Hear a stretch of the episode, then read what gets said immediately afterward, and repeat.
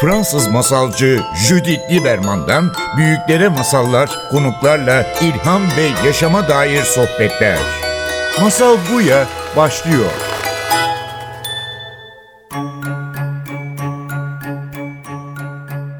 Masal Buya'ya hoş geldiniz. Bugün stüdyoda Sinan Canan'la beraberiz. Sinan sinir bilim uzmanı. Ee, hoş geldin Sinan. Hoş bulduk Cüzçin, merhabalar.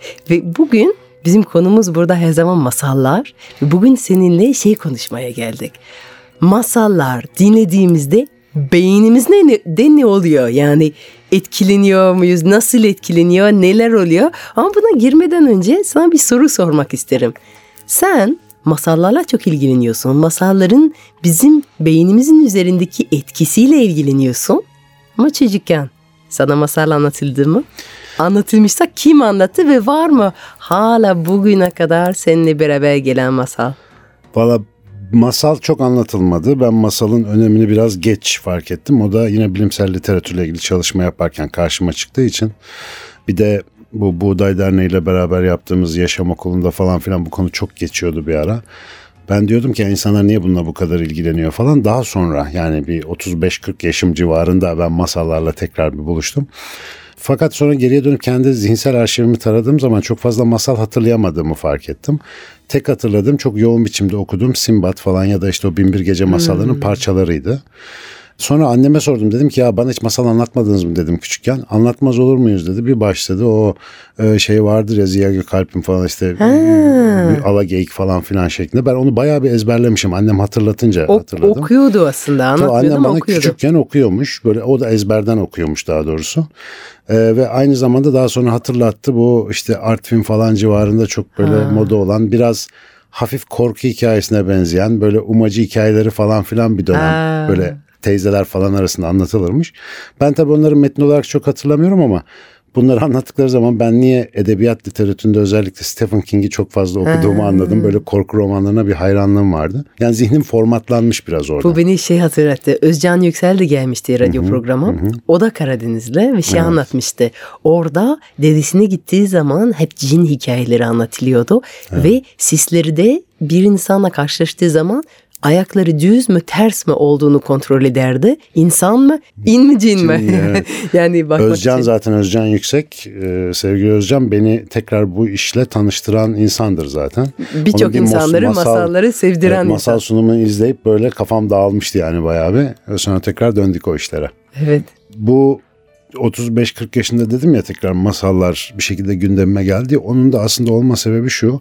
Ben Albert Einstein'ın bu şeylerini, alıntılarını okumayı çok seviyorum. Onun hani aforizmaları var ya. Evet. Onlardan bir tanesinde işte kadının bir tanesi soruyor çocuğumun senin gibi zeki olması için ne yapayım diye. O da diyor ki ona masal anlat.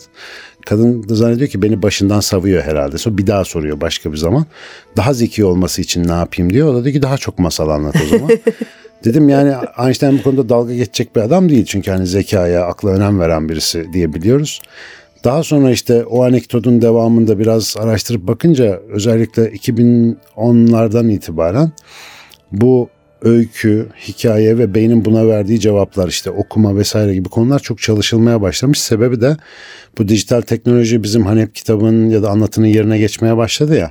Hep böyle hazır dijital içerikler tüketiyoruz. Buna karşı bizim eski yöntemler acaba beyinde farklı bir şey yapıyor mu diye bakılıyor ve hakikaten sonuçlar Ha, benim için korkutucuydu. Ben o yüzden ilgilenmeye başladım. Bu bir ekran üzerinden okumak, yazmak, oynamak yani hep aynı hareketlerle bir sürü farklı içerik tüketmek bizim hiç beynimize uygun olmayan bir şey. Biz e, işte en azından 20-30 bin yıldır e, antropologların tahmini bu. Kültür aktarımında başat olarak e, sözlü kültürü kullanıyoruz. Ve masalların da özellikle bunda çok önemli bir yeri varmış. Dediğim gibi ben biraz sonradan fark ettiğim için sen onu çok daha iyi biliyorsun. Masallarda aslında her türlü ahlaki kod, toplumsal kural, değerler vesaire gizli kodlar halinde aslında bir sonraki nesillere aktarılıyor. Ve bunun da çok önemli bir... E, avantajı var e, sözlü kültürün. Zamanın ihtiyacına göre modifiye oluyor, değişiyor, uyarlanıyor ve zamanın ihtiyaçlarıyla bezeniyor. Lüzumsuz kısımları ya da işte artık kullanılmayan kısımları yolda düşüyor. Yerine yeni bir şeyler ekleniyor.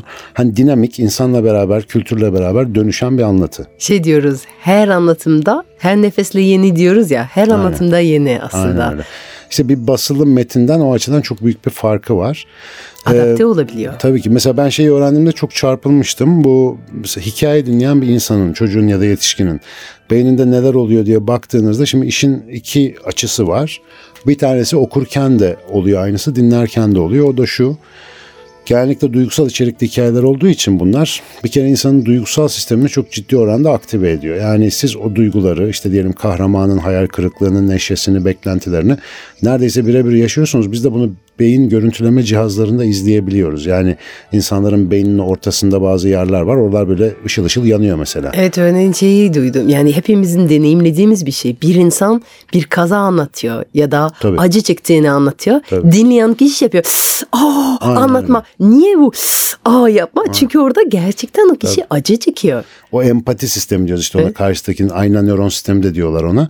Yani karşıdakinin acısını, durumunu, halini, hareketini bir şekilde beynimiz tekrarlıyor kendi içinde. Bu da bizim sosyal olarak karşımızdakini anlamamız için aslında çok büyülü bir mekanizma.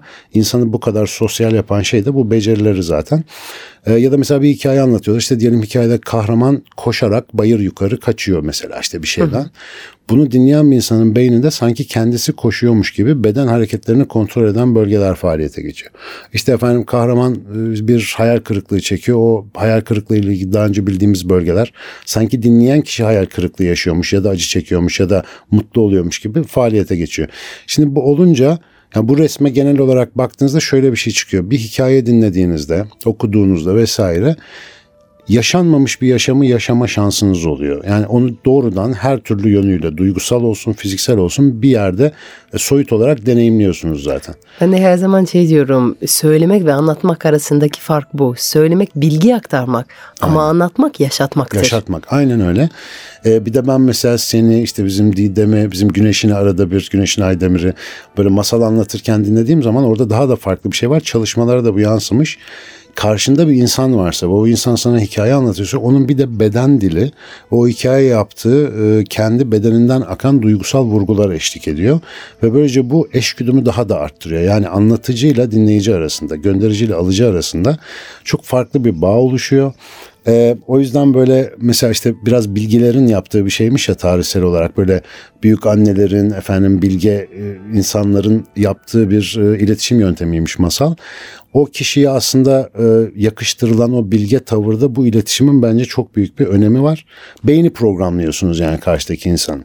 Aslında bu beden dili çok önemli. Ben de o yüzden sürekli ebeveynlerin kitabı bırakıp kendi doğaçlama bir şeklinde masal anlatmasını tavsiye ediyorum. Çünkü kitap bir kalkan gibi insanların arasında beden dili azaltıyor ve göz kontak kesiyor. Aynen. Oysa ki kitap bıraktığımız anda böyle göz kontak kuruluyor. Dün bir tane baba diyordu ki ya benim çocuğuma ben bazen okuyorum bazen anlatıyorum. Hep diyor ki kitabı bırak anlat baba. E dedim ki tabii ki senin ona bakmasını istiyor ve aranızda direkt bir şey geçmesini istiyor. Aynen. Kitap bir duvar. O direkt kontak çok önemli. Bir de e, ben birkaç kere denediğim için masal uydurmak çok zihni geliştiren bir şey. Yani ben çok zorlandım birkaç kere masal Anda olmak için müthiş Tabii, bir egzersiz. Aynen öyle. Ve karşınızdaki kişinin özellikle bir çocuk varsa onun tepkilerini okuyarak masalı Hmm. zenginleştirmek, ya onun gözlerinin içine bakarak yapmak. Şu anda senin de yüz ifadenden anlıyorum ki senin de herhalde en sevdiğin kısım burası. Masal ben şey sonra. diyorum çocuklar e, orkestra şefi ve çok iyi eğitmen. Yani bir öğretmen bir gün bana dedi ki ben masal anlatmak istiyorum ama nerede öğreteceğim? Dedim ki başla çocuklar sana öğretir. E onlar bilmiyorlar dedi. Yok yok onlar sana öğretirler. Hemen orkestra şefi gibi evet burada iyi yavaşla, burada sıkıcı hızlandır, e, bunu böyle ekle, e, soru sorarlar, eklerler. Bir ay içinde seni uzman ederler. Tabii. Bu zaten sözlü iletişim biraz böyle işte İngilizce'de emergent denen bizim Türkçe'de böyle ortaya çıkıveren, zuhur eden bir karaktere sahip. Mesela biz seninle programa başlamadan önce masal ve beyin ilişkisi konuşacağız dedik ama şu lafların hiçbirini oturup da yazmadık ya da planlamadık. Konuşurken bir nevi doğaçlama bunlar e, tren gibi çıkıyor ağzımızdan ve Özellikle de sen de ben de bu konuya duygusal olarak bir bağ hissettiğimiz için şu anda muhtemelen konuştukça daha konuşasımız gelecek. Çünkü o o doğuşkanlık bizi çok eğlendiriyor. Zihnimize çok büyük bir ödül Evet, veriyor. İşte ben aynısı masalda da var. Özellikle zaten programlardan önce bazen soh- hazırlık e, sohbet yaptığımız zaman bazı konuklar hazırlıyor, söylüyor ben bunu söyleyeceğim, bunu söyleyeceğim. Diyorum ki dur dur dur. Bilmeyeyim ne söylemek öyle. Bilmeyelim yoksa sarte gidecek yoksa söylemek istemeyecek yoksa sanki daha önce söylendi bunlar diye tekrar etmek istemeyecek. Doğaçlama kral benim için iletişimde yani çünkü o zaman herkes anda ilgileniyor canlı. Ben sizin mesela masal anlatılarıyla dedim ya geç tanıştım. Onlara baktığım zaman e, ben 4 yıldır falan beyin anlatıyorum. Ben beyin sunumlarımı değiştirdim. Şimdi önceden böyle hani anlatacağım konuları atlamayayım diye böyle slaytlar hazırlıyordum. Belli noktalarda şunu söyleyeceğim ama plan yapıyordum. Mesela dün akşam özellikle dün hatta iki kere oldu. Bir üniversitede bir de Gebze Üniversitesi'nde bir de şeyde Altunizade Kültür Merkezi'nde yaptım. E, böyle serbest beyin sohbetleri yaptık. Aslında baktım ki ben beyin masalı anlatıyorum. Yani yaptığım şey o aklıma gelen bir hikayeyi orada insanların tepkilerine, ihtiyaçlarına, işte soru cevapta sorduklarına göre modifiye ediyorsun ve şunu fark ediyorsun sonuçta ne kadar çok bilgi verirsen ver, çok basit az miktarda bilgi içeren bir öyküye ya da anlatıya göre çok az şey verebiliyorsun insanlara. İnsanlar öykü içerisinde bunu kapıyorlar. Bu arada şunu da beyan edeyim. Bizim beynimizde daha doğrusu insan zihninin öğrenme sistemi başı sonu olan bir olay örgüsü olan bir hikayeye dayanıyor her zaman. Yani biz hikayeyi duyduğumuz zaman olayı çok güzel anlıyoruz. Ezberlemekte çok iyi değiliz. Yani kopuk bilgileri aklımızda tutmakta iyi değiliz. Çünkü bunlar bağlantısız böyle farklı çekmecelere konan işte eşyalar gibi. Fakat bunları bir bütün halinde bağladığımızdaki böyle hafıza teknikleri var biliyorsun. İşte hafıza sarayı diye bir şey var. Hatırlamak istediklerini bir odanın içinde bir yerlere yerleştiriyorsun falan zihninde. E, bu tip teknikler aslında hikayeleştirmeye dayanıyor. Bu dediğim gibi işte bu işi düşününce anlattığınız her şeyi, yaptığınız her şeyi bir hikayeye bağladığınızda bir kere verimi çok fazla artıyor. Bu tabii şöyle de bir taraf var. Çocukken ne kadar çok hikaye dinliyorsa bir insan beynin hikaye algılama, yakalama ve onu takip etme sistemi de o kadar gelişiyor. Beynin kuralıdır. Yani e, çalışan devreler kuvvetlenir. Şimdi çocukluk döneminde de çok hikaye dinlemiş insanlar ileride bunu daha kolay kavrayabilirler. Şu anda benim dezavantajım az öykü, az masal dinlemiş insanlarla konuşuyorum. İşte o yüzden de bunun promosyonunu yapmaya çalışıyorum. Daha çok anlatsınlar diye. Yani bir kere bir tane anaokula gittim ya da ilkokul ve okul müdürü bana şey dedi görsel kullanacak mısınız? Ben ki hayır ben görsel kullanmıyorum. Cık, dedi bu büyük bir hata dedi. Mutlaka mutlaka görsel kullanmanız gerekiyor. Bir tane e, slide e, gösterici kullanacaksınız ve orada birkaç görsel yapacaksınız. Yani kuş diyorsunuz, kuş göstereceksiniz. Ağaç diyorsunuz, ağaç göstereceksiniz. Yani Yoksa bunlar arkada olsun. Çünkü yeni nesil, hep yeni nesil. Ben biraz böyle şeyim yani böyle bir hafif bir direncim var. Ne zaman ki yeni nesil duyuyorum sanki farklı bir hayvan doğurtmaya başladık yani. Aynı potansiyele sahip, aynı beyine sahip değil. Yeni nesil görsel olmadan anlamıyor. E şimdi bu doğru olabilir. Çünkü eğer bu yeni nesile her bir kelime söylediğimiz zaman yanında resimini gösteriyorsak, kuş diyoruz, kuş gösteriyoruz, ağaç diyoruz, ağaç gösteriyoruz. O zaman bu görebilme yeteneği geliştiremeyecek. O yüzden dediğimiz doğru olacak, yapamayacak. Yani diyorsun ya hikaye dinlemeyen insanlar zorlanıyor. Ama bu potansiyel var beyinde değil mi? Ben yani, esas bak bu konuyla ilgili kaybı söyleyeyim. Esas çok büyük bir kaybımız var. Şimdi insanlar mesela işte Einstein'dır, Tesla'dır, efendim büyük bilim adamlarından falan bahsedince bunları böyle çok efendim teknik düşüncesi, matematiği insanlar gibi düşünüyorlar.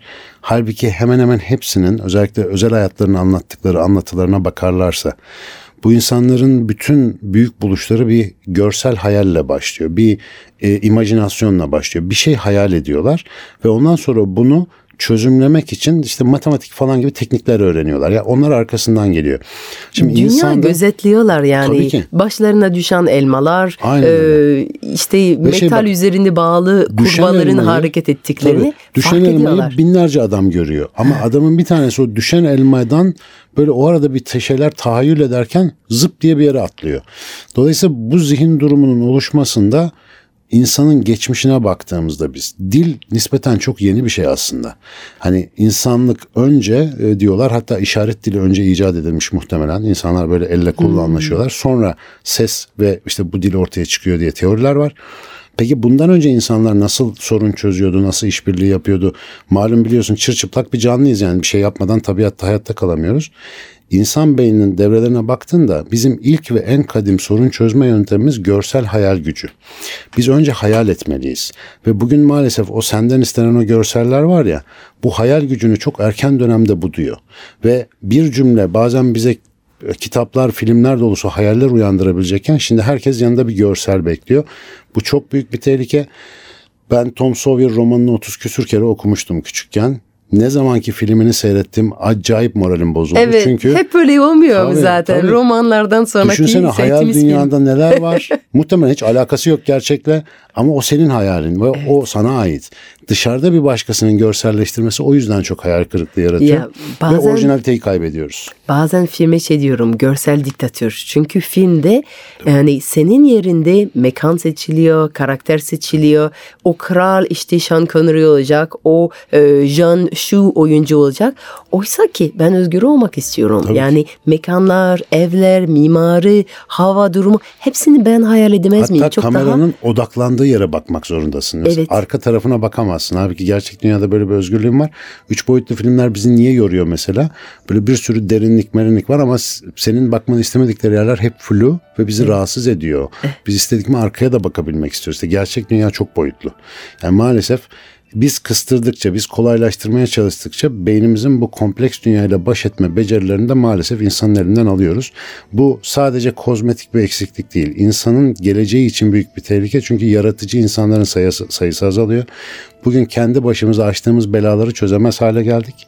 Yeni dönemde bütün dünya bağırıyor. Bana yaratıcı adam lazım. İşte artık tekrar e, fabrika ayarlarına göre e, insanları eğitmenin, onlara ilham vermenin yollarını bulmak lazım. Zaten elimizde en güzel araçlardan bir tanesi de öykü ve masallar yani. Bunlara geri dönmemiz lazım çok ciddi bir şekilde. Evet, Bana ben- sorsanız ilkokulun bütün aşamalarında sadece masal anlatsalar yeter. Zaten gösterdiler. İlkokuldan liseye kadar e, Almanya'da bir araştırma yapıldı. Her gün çocuklara ilk e, 15 dakika okulda bir masal anlatılıyor. Sonra gün boyunca e, sadece bu 15 dakikalık masalın sayesinde gün boyunca onların odak, öğrenme, hatırlama, e, yaratıcı cevap verme hepsini artırdığını gösteriyor. Kesinlikle. Çünkü günü böyle açıyor. Hayal gücüyle başlıyor ve dediğim gibi masallar olayların arasında bağlantı koyuyor ve bu alışkanlık yapıyor. Yani olaylar birbirinden bağlantısız durmaz. Bilgiler bazen böyle durabiliyor Aynen. ama masallarda durmaz. Bağla, bağlantı nedir? Ve bağlantı nedir diye kendimize sorduğumuz zaman zaten çözüm. Bak ben Gel. matematik öğrenemeyen bir çocuktum. Sonra yıllar sonra da doktora yaparken bir popüler bilim kitabında işte o matematiksel teorilerin nasıl bulunduğunun hikayesini okuyunca neredeyse hepsini öğrendim. Keşke lisede bana o hikayeleri anlatsalardı, matematiği bir kenara koysalardı ve ben o zaman hangi ihtiyaçtan türediğini, nasıl bir macerayla bulunduğunu öğrenir, belki daha iyisini bulabilirdim. Yani insanların elinden bu şansı alıyoruz sadece ezberleterek. Ya aslında bütün hayat, bütün bilim, bütün insan faaliyetleri, kültür her şey bir masal. Masala dönüştürülebilir yani. Hepsi böyle anlatılabilir. Ee, ama tabii masalla büyütülmüş çocuklar gerekiyor bunun için. Yani o dünyayı o gözle görebilen insanlar oldukça biz bir masal içinde yaşayacağız belki. Ama şimdi hayat sıkıcı. Yani her şey mekanik tak tak tak. Beş seçenekli her şey. Yapacak bir şey yok sınavlardaki gibi. Beş seçenekli masal yok değil mi? Yok. Masallarda her şey mümkün. Yani her şey mümkün. Ama bizim şimdi bir sorumuz ve beş seçeneğimiz var. Ve maalesef biliyoruz ki bunlardan sadece biri doğru. Ama masallarda öyle bir şey yok.